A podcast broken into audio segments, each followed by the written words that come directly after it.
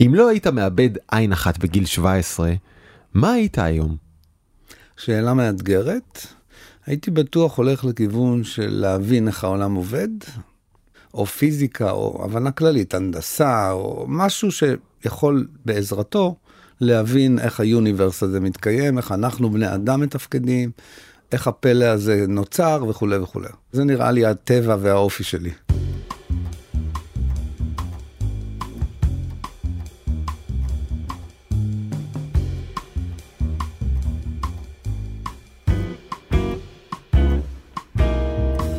אנחנו שאלה אחת ביום, בשיתוף האוניברסיטה העברית בעונה חדשה. מדי שבועיים נארח כאן את מיטב החוקרות והחוקרים מהאוניברסיטה כדי להבין טוב יותר את עולם ההפרעות, דיכאון, חרדה, OCD, התמכרויות. צריך לומר, את העונה הזו הקלטנו לפני ה-7 באוקטובר, אבל חלק מהתובנות, מהמחקרים ומהטיפולים החדשים שיוצגו כאן הופכים לרלוונטיים ולחשובים אפילו יותר. אני דרור גלוברמן ואיתי פרופסור רמי יאקה, מנהל בית הספר לרוקחות בפקולטה לרפואה באוניברסיטה העברית. הוא מומחה להתמכרות לסמים. תכף נדבר על הרוקחות, אבל בואו נתחיל רגע עם הסמים בשאלה אישית. מה הסם האהוב עליך? אני לא יכול להגיד שהתאהבתי בסמים, אבל הסם האהוב עליי לחקור הוא קוקאין. למרות שאנחנו חוקרים עוד סמים אחרים, אבל קוקאין, כי קוקאין יש לו מנגנון פעולה נורא מדויק. מטרות נורא מדויקות, אז הרבה יותר קל להתמודד עם חקר של התמכרות, למרות שהוא חקר סמים באופן כללי, פועל על אותו מנגנון, אולי נגיע לזה יותר נכון. מאוחר. זה לא ממש חשוב איך אתה תוקף אותו, אבל יותר קל לתקוף אותו עם סמים שהמטרה שלהם ידועה, בניגוד למשל אלכוהול, שהוא רב מטרתי נקרא לו. אה, אתה מדבר על מטרות ביולוגיות, ממה שאני שומע בחבר'ה, המטרה של קוקאין כשאתה לוקח אותו זה פשוט להרגיש מעולה עם עצמך. לגמרי, הוא נכון? סטימולנט, הוא שייך לסטימולנטים, כמו קפאין, ברמה כמובן הרבה יותר גבוהה, כמו מטאמפדמין, זאת משפחה של סטימולנטים נורא נורא ממכרים, יש להם פוטנציאל התמכרות הרבה יותר נגיד מקנאביס או מסמים אחרים.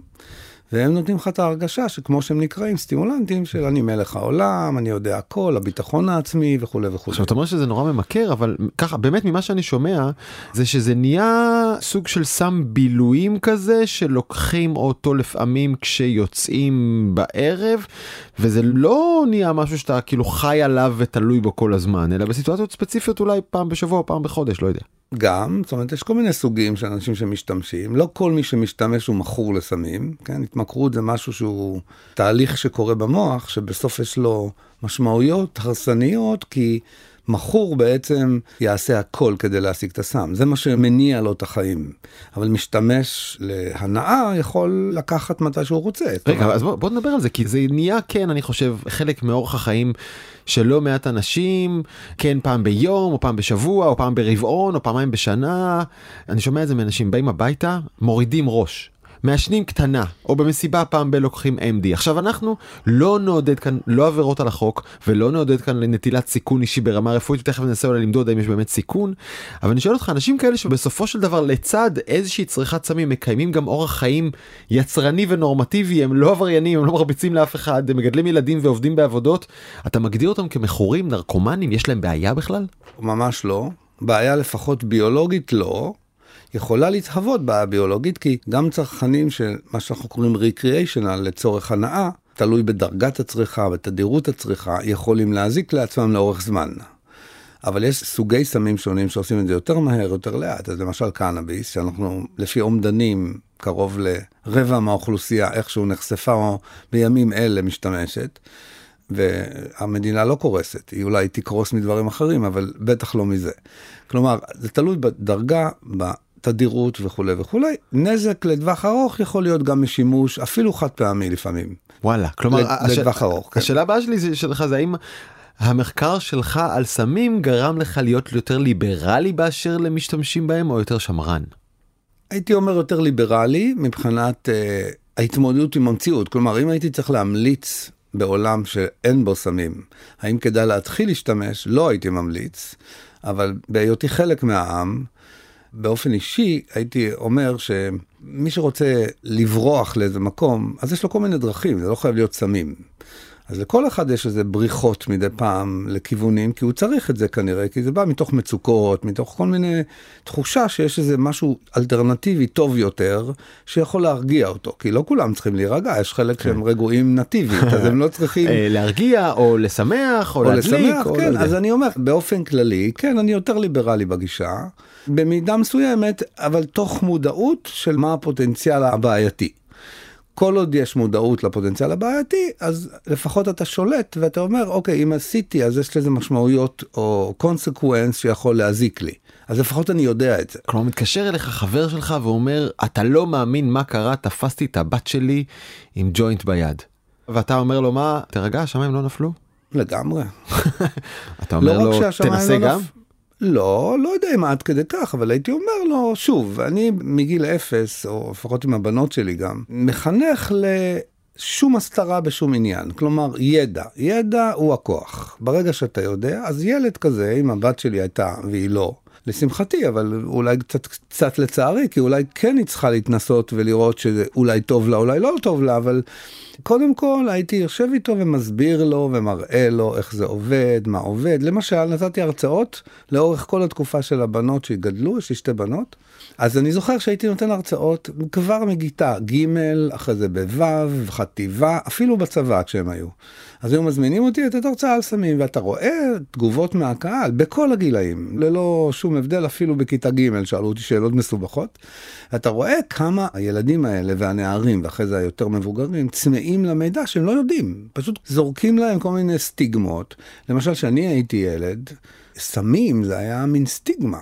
לא חשוב מה, גם אם תפסו אותך עם ג'וינט, שזה היום בדיחה, כן? אתה יש לך סטיגמה של חשישניק, אז היו קוראים לזה, או כל מיני ביטויים כאלה. לי זה תקוע בראש האינדוקטרינציה הזאת שג'וינט חייב להוביל אותך לסמים קשים וחייב להוביל אותך לרחוב ולמוות. זהו, זה לא. נתיב אחד. ממש לא. כי אם אתה מסתכל על המקור, למה אתה לוקח את הג'וינט, אז שוב, זה מתאר מצב שאתה רוצה לשנות אותו טיפה, כי לא טוב לך ככה, אז אתה מחפש אלטרנטיבות. אולי קצת גם מתוך סקרנות, כן? כי בוא, הנה, כולם עושים, אז גם אני רוצה, כן? אז שזה לחץ חברתי, אחד הגורמים בדרך כלל לשימוש זה הסביבה. אז אם אתה גדל בפרדס כץ כמוני, אתה כל הזמן נחשף לזה, ולא רק לקנאביס, כמו שאתה מבין, לעוד הרבה טריגרים, כן? לגנוב מכוניות, לפרוץ לבתים. אז זה מין צורך כזה של לחפש איזה אלטרנטיבה, כי משהו קרה לך בחיים שהוביל אותך לחפש אלטרנטיבה. כן. כי בעולם אידיאלי, אתה לא בעצם צריך כלים חיצוניים.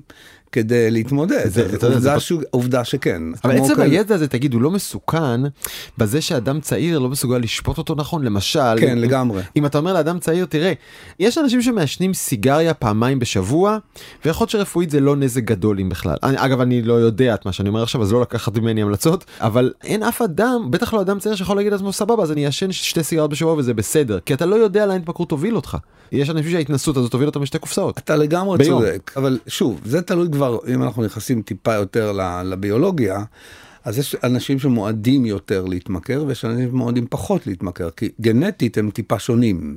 כן. אז המועדות כן אתה יודע לפתח, להצביע על ההבדל ב-DNA כן. הנה מתמכר הנה לא. אני לא יודע במדויק, אין מרקרים ספציפיים, אבל היה מחקר, למשל, שבדק אלכוהוליסטים בשלושה דורות של אלכוהוליסטים, ומצא שיש חלוקה של שתי אוכלוסיות, של מה שקוראים היי רספונדרס ולא רספונדרס, כאלה שצריכים נגיד ארבע בירות כדי להתמסטל, לעומת כאלה שצריכים בירה אחת. כן. ואלה שצריכים בירה אחת, הנטייה להתמכרות הרבה יותר נמוכה. כי מספיק. בדיוק, ואז הוא הסתכל על הגנטיקה וראה שוני באותו מערכת שאני עובד עליה, שנקראת מערכת התגמול או ה-reward system, וראה שוני מובהק בין שתי הקבוצות מבחינה גנטית. כלומר, המסקנה של המחקר הייתה שכן, יש מועדות אצל חלק מהאוכלוסייה לפתח התמכרות ואצל חלק לא. אגב אני חייב לחלוק איתך באמת מסקנה מהמחקר הצנוע הפרטי שלי על עצמי.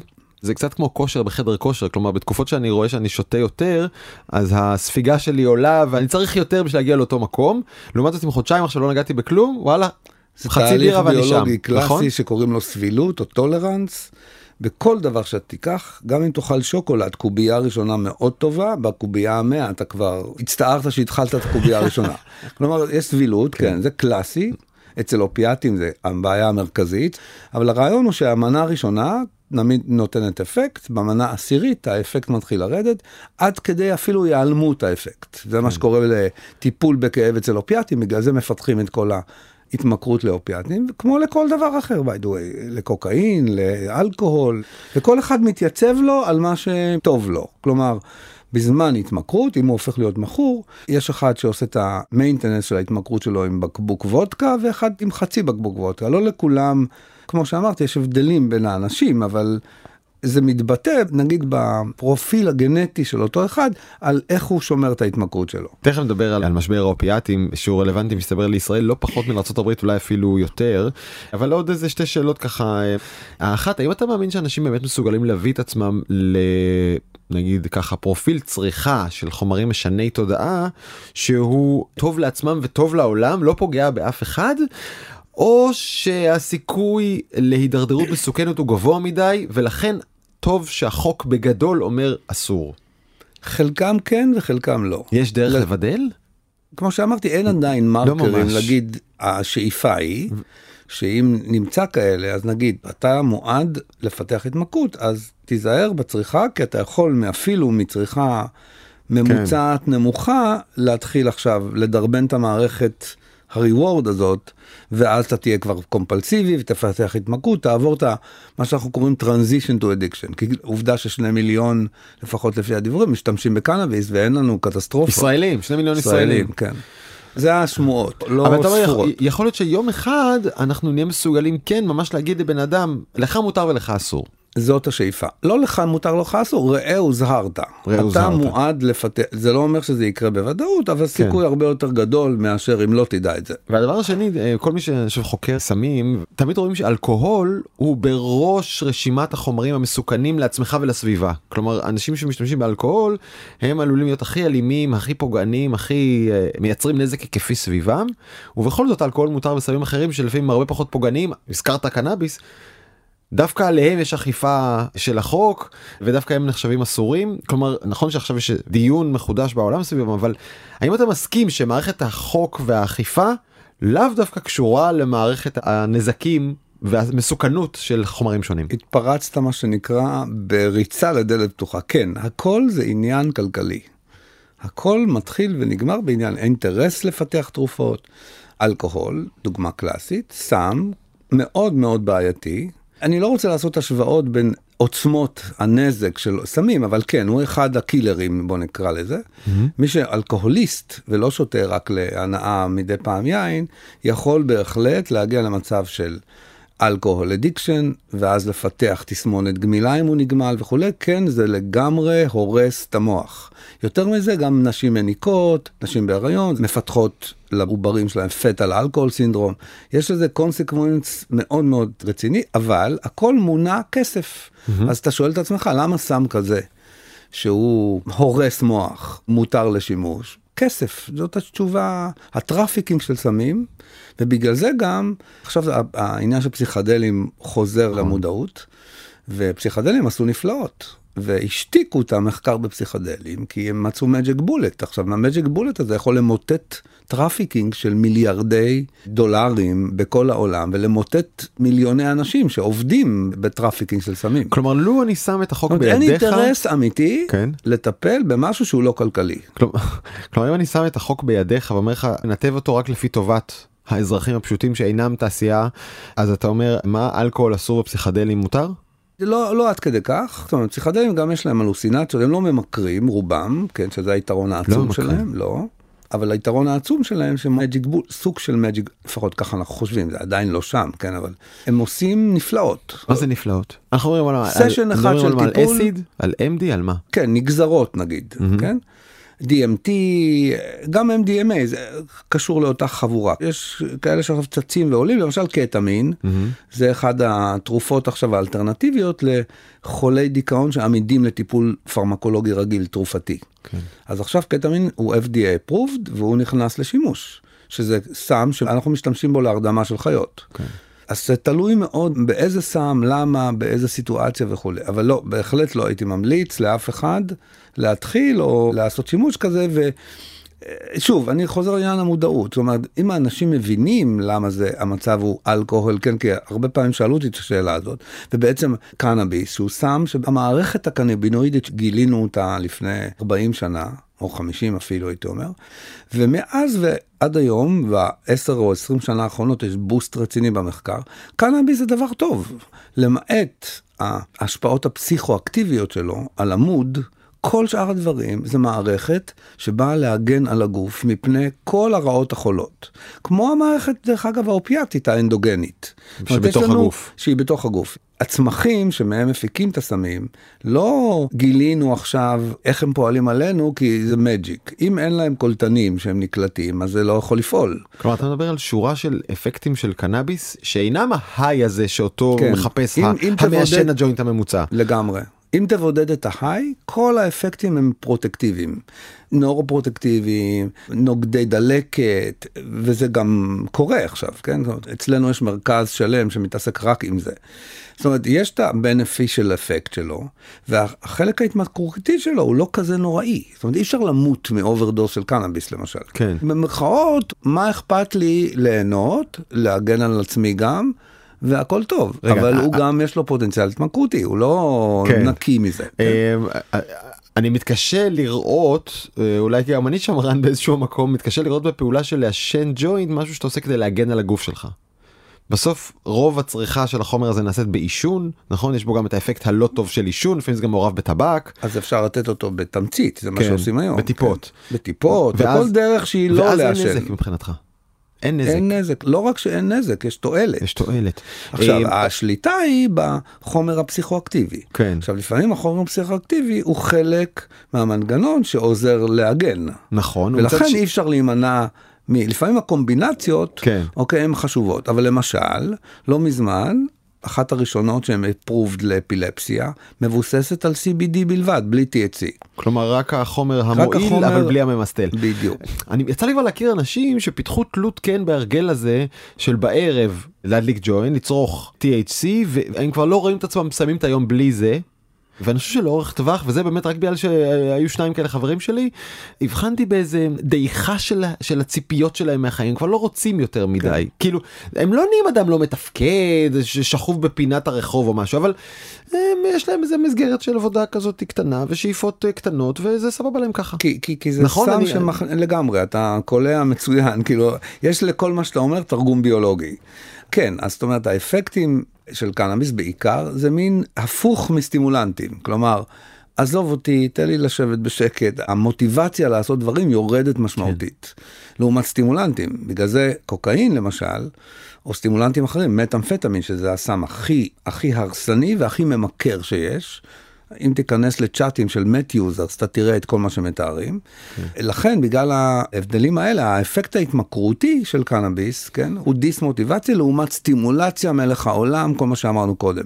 אז תן לי להירגע בבית ולהיות שקט עם הג'וינט הזה בערב כל עוד זה לא פוגע בתפקוד אז בסדר זאת אומרת אם ידע של מה זה יכול לעשות לך אם תמשיך. עכשיו אם אתה בן 50 בסדר, מה כבר יכול לעשות לך? אבל אם אתה בן 20, כשהמוח שלך גומר להתפתח, אתה יכול לעשות אפקטים שהם לונג טרם שמשפיעים על איך המוח מתפתח בזמן הצריכה. ולכן נגיד בנערות, ויש היום צרכנים בגיל 12, כמו שאתה יודע, בת מצוושים יש מלא קנאביס ואלכוהול, כן, זה גיל 12, 13. הזכרת שקוקאין זה הסם שאתה הכי אוהב לחקור, חקרת גם על עצמך? לא. איך? לא כי... אני אומר, איפה הסקרנות של החוקר? איפה האקדמאי הסקרן שכולם מספרים לך על האפקט, אבל אתה יכול גם להרגיש אותו בעצמך. יש לי הרבה חברים מהתחום כמובן, שחלקם כן ניסו את מה שהם חוקרים. לי יש מין סוג של פחד, אברסיה, לא יודע איך תקרא לזה, כי בעבר שלי עברתי ניתוחים, ונרקוטיקה בשנות ה-70 הייתה מאוד נפוצה, הרבה פחות מפותחת מהיום. Mm-hmm. וההתנסות שלי מההרדמות האלה, ומההתאוששות, והנוגדי כאב וכולי, הייתה נוראית. אז פיתחתי מין פחד שאולי לא מוצדק, אבל מתאים לי ככה, שגורם לי לא לרצות לנסות. אני כן מעשן סיגריות, והתמכרתי לסיגריות לצערי, הפסקתי, חזרתי, זאת בדיוק הבעיה של רילאפס. הבעיה המרכזית בסמים זה אחוזים גבוהים של אנשים שחוזרים. 70 עד 80 אחוז מהאנשים שמתמכרים, ולא רק לסמים, לכל סוג של התמכרות, יעשו רילאפס, אלא יחזרו לשימוש בתוך שנה של גמילה. לא עלה בדעתי לשאול אותך אפילו אם אתה מעשן סיגריות, מתוך שאתה חוקר את הנושא, היה לי ברור שלא. טעיתי. טעית בגדול. טעיתי אני בגדול. אדיקט קלאסי שעבר רילאפס ועוד רילאפס ומנסה להיפטר מזה וקשה לו. והידיעה של המנגנונים לא עוזרת לך. הבת שלי לא מבינה איך, אבל לא. אני- אני כן מבין איך, דרך אגב. ברור, אז בוא תסביר לנו אחרי שתסביר לנו מהי בכלל התמכרות, ואז דבר על רילאפס ומדוע אתה עצמך לא מצליח להפסיק לעשן. אז ככה, אז התמכרות לא הייתה נחשבת כמחלה בכלל עד לפני 20 או 30 שנה, עד שהוכנסה מה שאנחנו קוראים ל-DSM, זה המדריך הפסיכיאטריה שכל העולם מסתמך עליו, ששם קובעים קריטריונים איך מגדירים מחלה מוחית, OCD, חרדה וכולי. מאז זה נכנס לפול, בהתחלה זה נחשב כמו איזו הפרעה או התנהגות בלתי נשלטת וכולי. אז התמכרות בעצם זה מצב שלא מגיעים אליו מיד, אחרי שעוברים כמה שינויים, כלומר משימוש מדי פעם לשימוש יומי, אז כבר זה transition, זה לא קורה ביום. ברגע שעברת לצד השני, באופן פופולרי, לא לפי ה-DSM, בעצם אתה מגיע למצב שכל מה שמעניין אותך, ה driving force של החיים שלך, שקמת בבוקר, פתחת עיניים, זה אם יש לך סם או אין לך סם, ואתה תעשה כל דבר כדי להשיג אותו, וזה מה שמניע לך את החיים, וזה כמובן בא על חשבון כל דבר אחר. עכשיו במצבים קיצוניים אתה הופך להיות הומלס, כן. ובמצבי ביניים אז אתה מנסה לתפקד, אתה לא מצליח, בסוף זה יכריע אותך. עכשיו מה שקורה במוח זה כבר סיפור יותר מורכב. בוא ניכנס. יש מערכת במוח שקוראים לה reward system, שהיא מורכבת מכמה גרעינים שמדברים אחד עם השני, וכמו בכל ההפרעות מוחיות שיש לנו, מחלות פסיכיאטריות, הסמים משנים את האיזון בין משק של טרנסמיטורים, טרנסמיטורים זה שליחים עצביים, שבעצם הם מנהלים לנו את המוח. אז תדמיין ים של שליחים עצביים, ופתאום אתה נכנס לתוך הבריכה לצורך העניין, ואתה מכניס לה עכשיו גורם נוסף שמשנה את כל ה balance בין כל השליחים האלה. אחד הבולטים זה דופמין, ובעצם הדופמין הזה גורם להנאה ולתגמול. והמערכת הזאת בעצם אחראית על שני דברים עיקריים, ויש אותה בכל בעל חיים ובכל מין, כי היא בעצם גורמת לנו לשרידות שלנו. כלומר, אתה רעב, אתה אוכל, אתה צמא, אתה שותה, זה מה שגורם לך לחיות.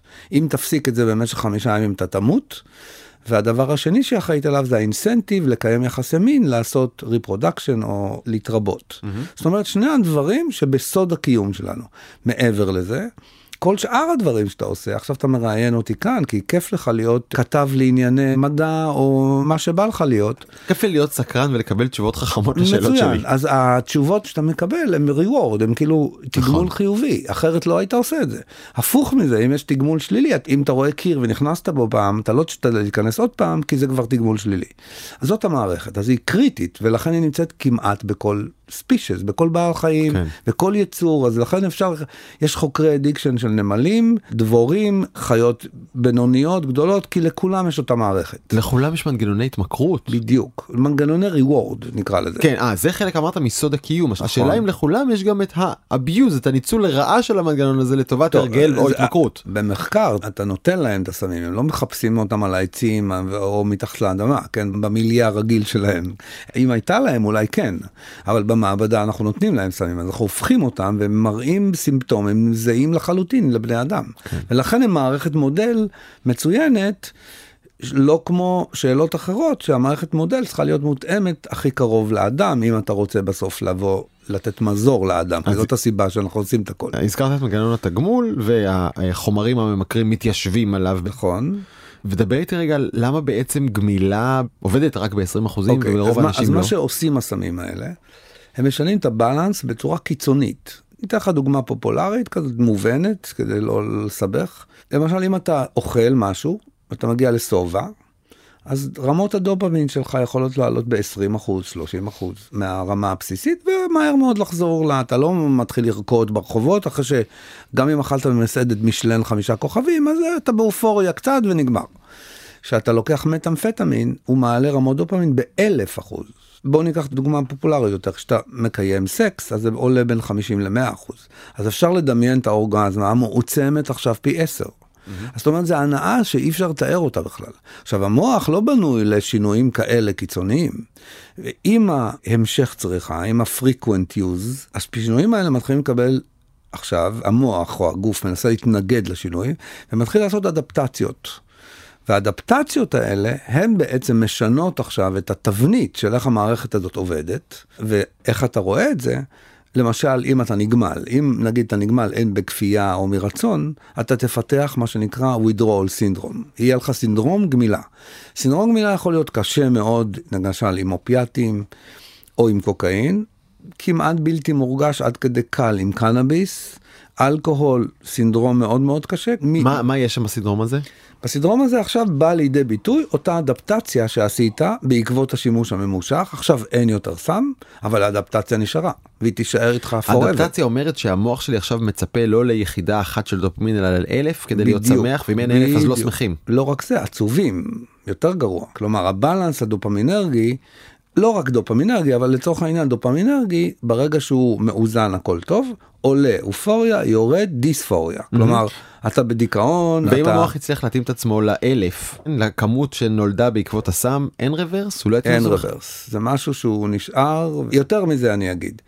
אוסף של המון מחקרים, היום די ברור, שמה שקורה במוח זה שינויים כשאתה נגיד נכנס לפאב, פעם ראשונה שתית בירה, קרה שינוי, השינוי הזה יש לו אופי זמני, הוא קורה ונגמר.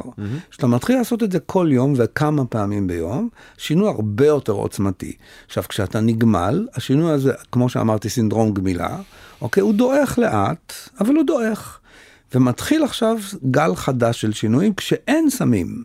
והשינויים האלה הולכים ומתעצמים עם הזמן. כלומר, סיכוי שלך לחזור אחרי חמש שנים הרבה יותר גדול משנה אחרי. לא הבנתי. הטריגרים עכשיו שיגרמו לך לחזור, ההשפעה שלהם במוח היא הרבה יותר חזקה ככל שעובר זמן מההפסקה. כלומר, המוח שלך, מה, סוג של הולך נגדך, ובחלוף בדיוק. הזמן הוא משד... משדל אותך לחזור אחורה להתמכרות. בדיוק, אני אתן לך דוגמה של סיגריות, כן? עישנת שתי קופסאות, או קופסה לצורך העניין. נגמלת, עישנת הרבה שנים, עברת תהליך גמילה, מוצלח, כי להיגמל זה צריכה החלטה. מבחינה פיזיולוגית זה לא כזאת דרמה. כן. כלומר, השבוע, שבועיים, שלושה, חודש אפילו הראשון, הוא אפילו אופורי ומאושר, והנה הצלחתי וכולי. כל הבעיה היא זה מה קורה אחרי. עכשיו, מה קורה אחרי? אתה כל הזמן בטריגרים. ההביטס האלה שלך, ההרגלים של אני הולך לפאב הזה עם סיגריה, אני שותה קפה זה סיגריה, בערב סיגריה, כל ההרגלים האלה, הטריגרים האלה הופכים להיות הרבה יותר מאתגרים את המוח, וככל שעובר הזמן הם אפילו עוד יותר. אז למשל, אם עברו שלוש שנים, פעם היו מוכרים סיגרות, פעם היו מוכרים סיגרות בשקל, ואז היית מרמה את עצמך, אני אקנה רק סיגריה בשקל, בקטנה, ואז זה מתפתח ל... אז הטריגר הזה מחזיר אותך לא רק לקופסה, לאפילו יותר מהקופסה. טריגר קטן אחד, ולכן תמיד אומרים למי שהפסיק, אל תיקח אפילו שחטה, כי אתה תחזור לשתי קופסאות שלך ב-no time, וזה מה שקורה. קרה גם לי by the way. זאת אומרת, ממש מהתנסות. יש איזשהו time frame, איזה חלון זמן, שאם אתה תצליח בכל זאת לשמור את עצמך מחוץ לסיגריות, אז בחלוף לא שלוש, לא חמש, לא שמונה שנים, או מתישהו, הטריגרים כבר ירדו ותחזור להיות... במחקרים שאנחנו עושים בחיות שמקבילים לאדם, כן, אבל הרבה זמן. כמה זמן צריך להחזיק? הרבה זמן. שנים. שנים. שנים. כן. ועכשיו אתה יודע את זה. כן, על אני עצמך. יודע, אני יודע את זה על עצמי, כן. עכשיו, למה זה גדול ממך? כן. כי זאת המערכת, כאילו חלק מה-reward system זה מה שנקרא החלטות של תעשה לא תעשה. קומפלסיביטי, אימפלסיביטי, קומפלסיביטי, כל זה מושפע בצורה דרמטית. כלומר, האימפלסים שלך עכשיו, המקום שאנחנו קוראים לו ה-executive function, תדמיין כמו RAM של מחשב, כן? שהוא בעצם מנהל את הכל, כמו מערך מרכזי, כמו בקשת, יש אני מניח איזה control, mm-hmm. הוא מנהל את הכל, הוא עובר שינוי דרמטי. ואז היכולת שלך לשלוט באימפלסים האלה מתחילה להיות חלשה מאוד, ואז כל טריגר פשוט מקפיץ אותך לצרוך את זה עוד פעם. Okay? אוקיי? אה, בוא נדבר uh, רגע על הדרמה הגדולה שאנחנו רגילים לייחס אותה לארה"ב, אבל מסתבר שישראלית לא פחות, וזה דרמת האופיאטים, נכון? כן. ההתמכרות שלנו לתרופות בעצם. נכון. כמה ישראלים מכורים לתרופות? בואו נדבר מה, מה זה משבר האופיאטים. משבר האופיאטים התחיל בשנות התשעים, כשהסטטיסטיקות אומרות ש... 40 אחוז עד 50 אחוז מהאמריקאים, במיליונים, אנחנו מדברים על 80-100 מיליון אנשים, סובלים מכאב. כלשהו, לא חשוב למה. כאב ראש, כאב גב, כאב פרק יד, כן, כאב... עכשיו, זה. יש כאבים שמטפלים בהם לרוב, אה, כל מה שאתה מכיר, אופטלגין, אה, כל התרופות האלה זה משפחה של תרופות שנקרא להם לא מזיקות, לא ממכרות. קוראים להם נון סטרואידל אנטי אינפלמטורי דרגס. אלה התרופות, mm-hmm. כל מה שאתה מכיר בשוק. כן. כואבת לך היד, אתה לא רץ לקחת קוקאין כדי להירגע, או אופיאט או הרואין או משהו. כאב כרוני, שהוא כבר או דלקתי או כאב נורופטי שהמקור שלו לא ידוע הוא מוחי או הוא מערכת עצבים אז לצערנו עד היום הגולד סטנדרט זה אופיאטים. שאלה סמים משככי כאבים אבל עם פוטנציאל ממכר מאוד גבוה. בדיוק. אז אם מגיעים לנקודה שה non-steroidal לא עובדים או למשל עוברים ניתוח ונותנים בהתחלה אופיאטים, צריך לרדת מהר מאוד מהם, בגלל הפוטנציאל ההתמכרותי שלהם. אז אם לא מבקרים איך זה נעשה, אז זה מהר מאוד יכול לצאת משליטה, ואז אנשים אולי פותרים, אולי לא. לרוב, דרך אגב, לא, כי יש מה שנקרא tolerance. בדרך כלל טופלו באופיאטים חולים סופניים, חולי סרטן, או מחלות אחרות שהם ללא מזור, וכדי שהאדם לא יסבול, אז כבר אפקט ההתמכרות היה פחות דרמטי. אבל אם אנחנו נותנים אותם לכאבים כרוניים, אז בנקודה מסוימת, בגלל ה tolerance, בגלל הגדלת הכמויות והאפקט שיורד עם הזמן, בנקודה מסוימת אתה מאבד אותו. אז אין יותר בעצם מה לתת לך, אבל פיתחת התמכרות. כלומר זה לא עוזר לך אתה חייב להמשיך לצרוך את זה בדיוק. אבל אם אני מפסיק מה קורה. עשית את ה transition הזה כן. ופתאום אתה משנה את ה reward system כן. אז כאילו אולי הועלת לכאב אבל יצרת בעיה הרבה יותר דרמטית ועל היסוד הזה הממשל האמריקאי בשנות התשעים התחיל קצת להקל כאילו הבינו שצריך פה פתרון אחר ויחד עם ה-FDA. אפילו נתנו איזה מין שער פתוח של אוקיי, בואו ניתן אופיאטים קצת יותר. ואז לקחו את זה, חברה שקוראים לה, אני לא יודע אם שמעת על הסיפור הזה, פרדו, בנו כדור שמכרו אותו לאנשים כזב כמובן, כלא ממכר, כי הוא בשחרור מושהה. כלומר, אתה לוקח כדור, שאם תבלע אותו במכה אחת ללא הקפסולה שלו שמשחררת אותו איטית, אז אתה מקבל דוזה רצינית של אופיאטים, אבל הם מכרו את זה כאילו לא, בגלל שזה משתחרר לאט, אז הכל טוב. שיתף איתם פעולה מישהו מה-FDA, שבסוף עבר לעבוד אצלם, כמובן, כמו שאמרתי לך, הכל זה מונע כסף. ואז הם מכרו את זה במיליונים לכולם, בשנות ה-95 זה התחיל, והם ידעו שזה סם ממכר, אי אפשר למכור את זה כסם לא ממכר, בין אם זה מושהה או לא, זה עושה את אותו אפקט. כן. וככה התחיל המשבר, ואז התחילו למות הרבה אנשים. היום זה מגיע ל... אני חושב שמשהו כמו סדר גודל של עשרות מיליונים בכל העולם, ובעיקר בארצות הברית, וגם אצלנו מבחינת מתים עדיין לא. מבחינת צרכני סמי מרשם כאלה, אנחנו עברנו אותם לפני חודשיים שלושה. מבחינת פר גולגולת או פר חולה, כמה צורכים אצלנו אופיאטים, עברנו את ארצות הברית. אנחנו נשלם את המחיר כמובן. מה זאת אומרת אנחנו עברנו אותם? אה, אותן עברנו תרופ... אותם מבחינת כמות... לא, ה... לא, מספרית אני מבין את המנגנון, איך הגענו לזה? כלומר, אם כבר יודעים לאן התרופות האלה הולכות. יד קלה על ההדק בסמי מרשם אופיאטים ללא בקרה על ידי הרופאים שמנפיקים אותם. כן. עכשיו אתה שואל למה הרופאים מנפיקים אותם, שוב, הכל אינטרס כלכלי. החברה מדרבנת אותם למכור אותם, אם הם ימכרו יותר יקבלו יותר וכך הלאה. זאת אומרת, בידיעה מוחלטת שזה סם ממכר שיכול להוביל להתמכרות וליצור בעיה הרבה יותר קשה שלא לשמה הוא נועד. כן, אני קורא עכשיו כותרת ממרץ האחרון. נכון. ישראל במקום הראשון בעולם בצריכת משככי כאבים נרקוטיים. בדיוק. שאלה אותם אה, אופיואידים או אופיאטים. נכון. עכשיו המחקר הזה על ידי מרכז טאוב מדבר על 2020 אבל ישראל ראשונה כאמור ראשונה בעולם גם יותר מארצות הברית. בארצות הברית כבר נרשמו 80 אלף מקרי מוות מצריכת אופיאטים רק בשנת 2021. נכון עכשיו בארצות הברית יש פי 30 יותר אוכלוסין מבישראל, זה אומר שאני יכול לצפות מתישהו בשנים הקרובות שאנחנו נהיה באזור ה-2000, 3,000 מתים בשנה, עשרה ביום מאופיאטים? לא, אם לא נשים על זה את היד, כן, לגמרי. לחלוטין.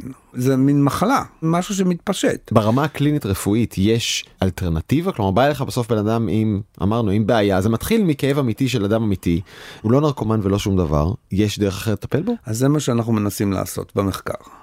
מאחר וזה עדיין הגולד סטנדרט בטיפול כרוני, אז אנחנו מנסים עכשיו להוריד את החלק, נקרא לזה ההתמכרותי, על ידי קומבינציות של לתת אופיואידים או אופיאטים עם חומרים אחרים, ואז להוריד את המינון של האופיאטים, למשל עם קנאביס.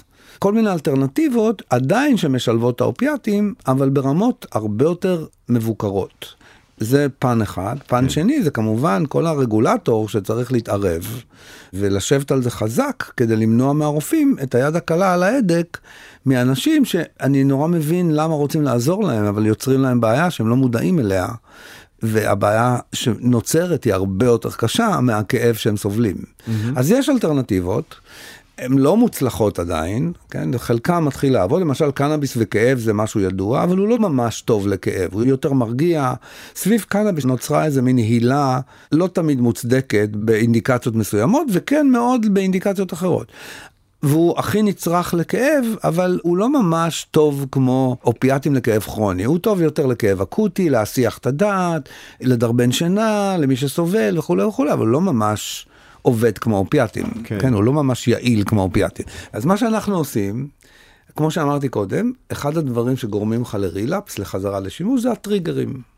אתה נהיה הרבה יותר רגיש לטריגרים חיצוניים, כמו אמרתי, הסיגריה בשקל, הפאב, אם זה סיגריות, או הבית של הסוחר, או כל סיטואציה שהייתה מקושרת לסם עכשיו, גורמת לך לטר... עכשיו, הטריגרים האלה בעצם מערבים זיכר... אתה צריך לזכור ששם הבית, נכון? למדת שפה אתה קונה וכולי.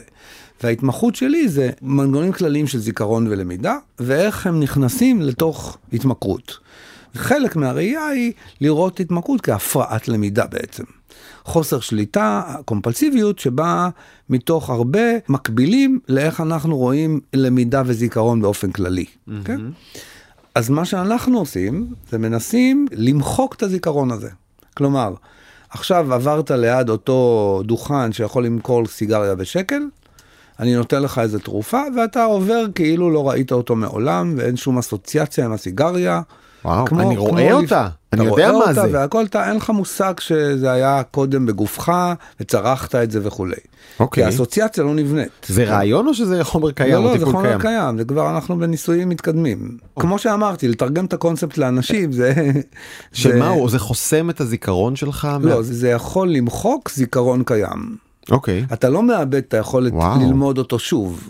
למשל, אם אני עכשיו, אה, תאורטית, גורם לעכבר להיות מכור לקוקאין, לאחד אני נותן את הטיפול ולשני לא, זה שלא קיבל את הטיפול, רואה טריגר, אני מראה לו את הטריגר חזרה, אוקיי? הוא יעוט עליו. מה זה, זה חומר? זה תרופה? זה, בפה? זה, זה חלבון קצר, קטן. שאני לוקח לא, אותו? אז זה מה שאנחנו מנסים לעשות עכשיו. אוקיי. קודם הקונספט פותח. כן? אוקיי. כן? ואז הוא גורם לי לשכוח ספציפית רק את לא הסיגריות. לא לשכוח.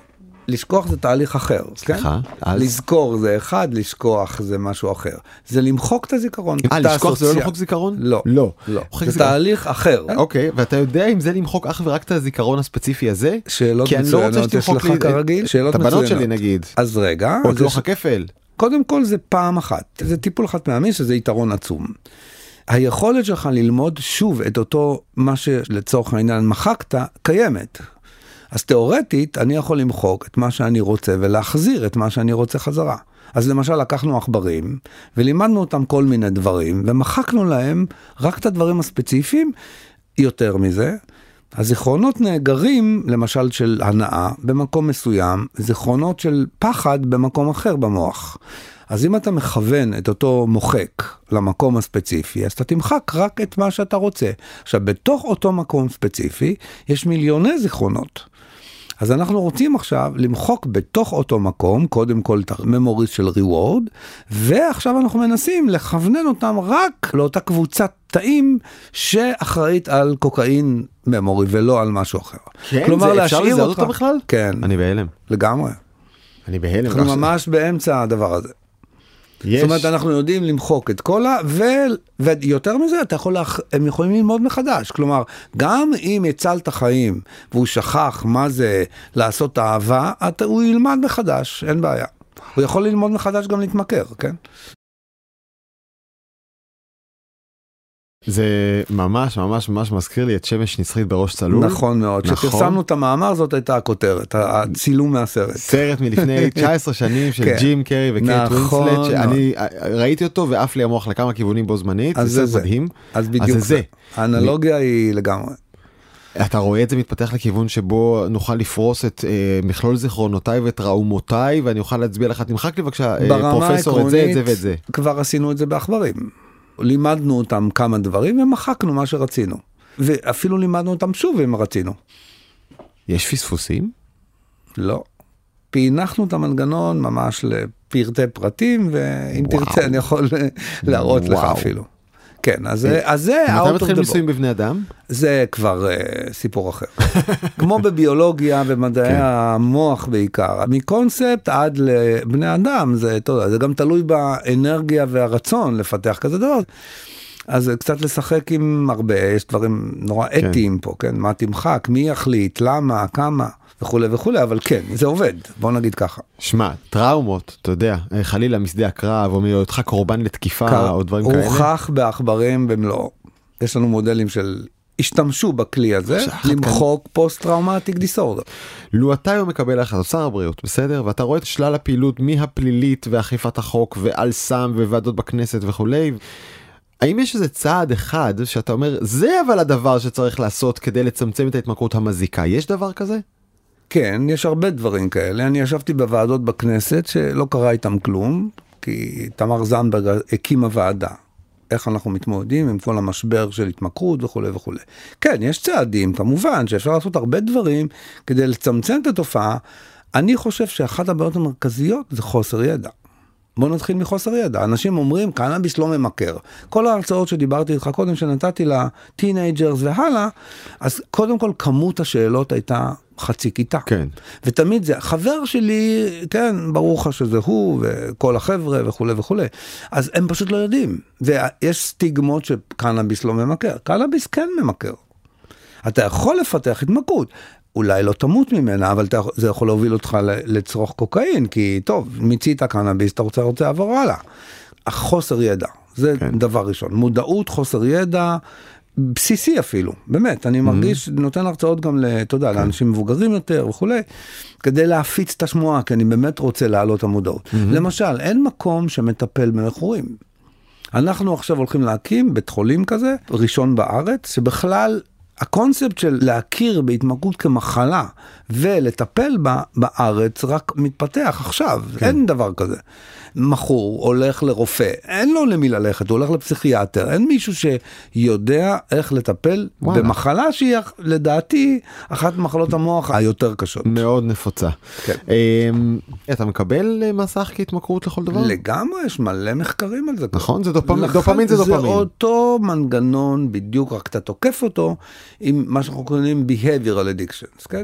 הבנתי, אז כמו- תשמע, יש לי כמו חבר... הימורים, מסכים, גיימינג, כל מה ש... אז יש לי חבר שמבזבז כל יום איזה שעה שעתיים בלילה שאין לו במקום לישון הוא עושה דברים חסרי משמעות על מסך טלפוני. לפעמים גם אני. אז יש לך טיפ איזה טיפ טוב לעניין הזה. מודעות. אבל אמרנו שמודעות לא עוזרת. נכון, אז לפחות להתמודד. שוב, מודעות לא עוזרת, אבל בלי מודעות אין אפילו אפשרות כן. להתמודד, כן? אין, אין פה magic bullets, בוא. כן. כן. צריך להיות מודע, צריך לדעת את הפרטים. כן. תראה, כשרואים תמונות איך המוח משתנה, אז זה עושה זעזוע. כי אנשים לא יודעים. אגב, זה אומר שגם בעקבות חשיפה מוגברת למסכים, גם שם נולד שינוי של מבנה המוח שהוא חד כיווני? לחלוטין. לחלוטין. השם ישמור. אמ, פרופסור רמי יאקה, מנהל בית הספר לרוקחות בפקולטה לרפואה באוניברסיטה העברית, הוא מומחה להתמכרות בסמים. תודה רבה על השיחה הזאת. המון תודה לך, היה לי כיף. וזו הייתה שאלה אחת ביום. אני דרור גלוברמן, העורכת שלנו אפרת מירון, ואנחנו נהיה כאן שוב בעוד שבועיים.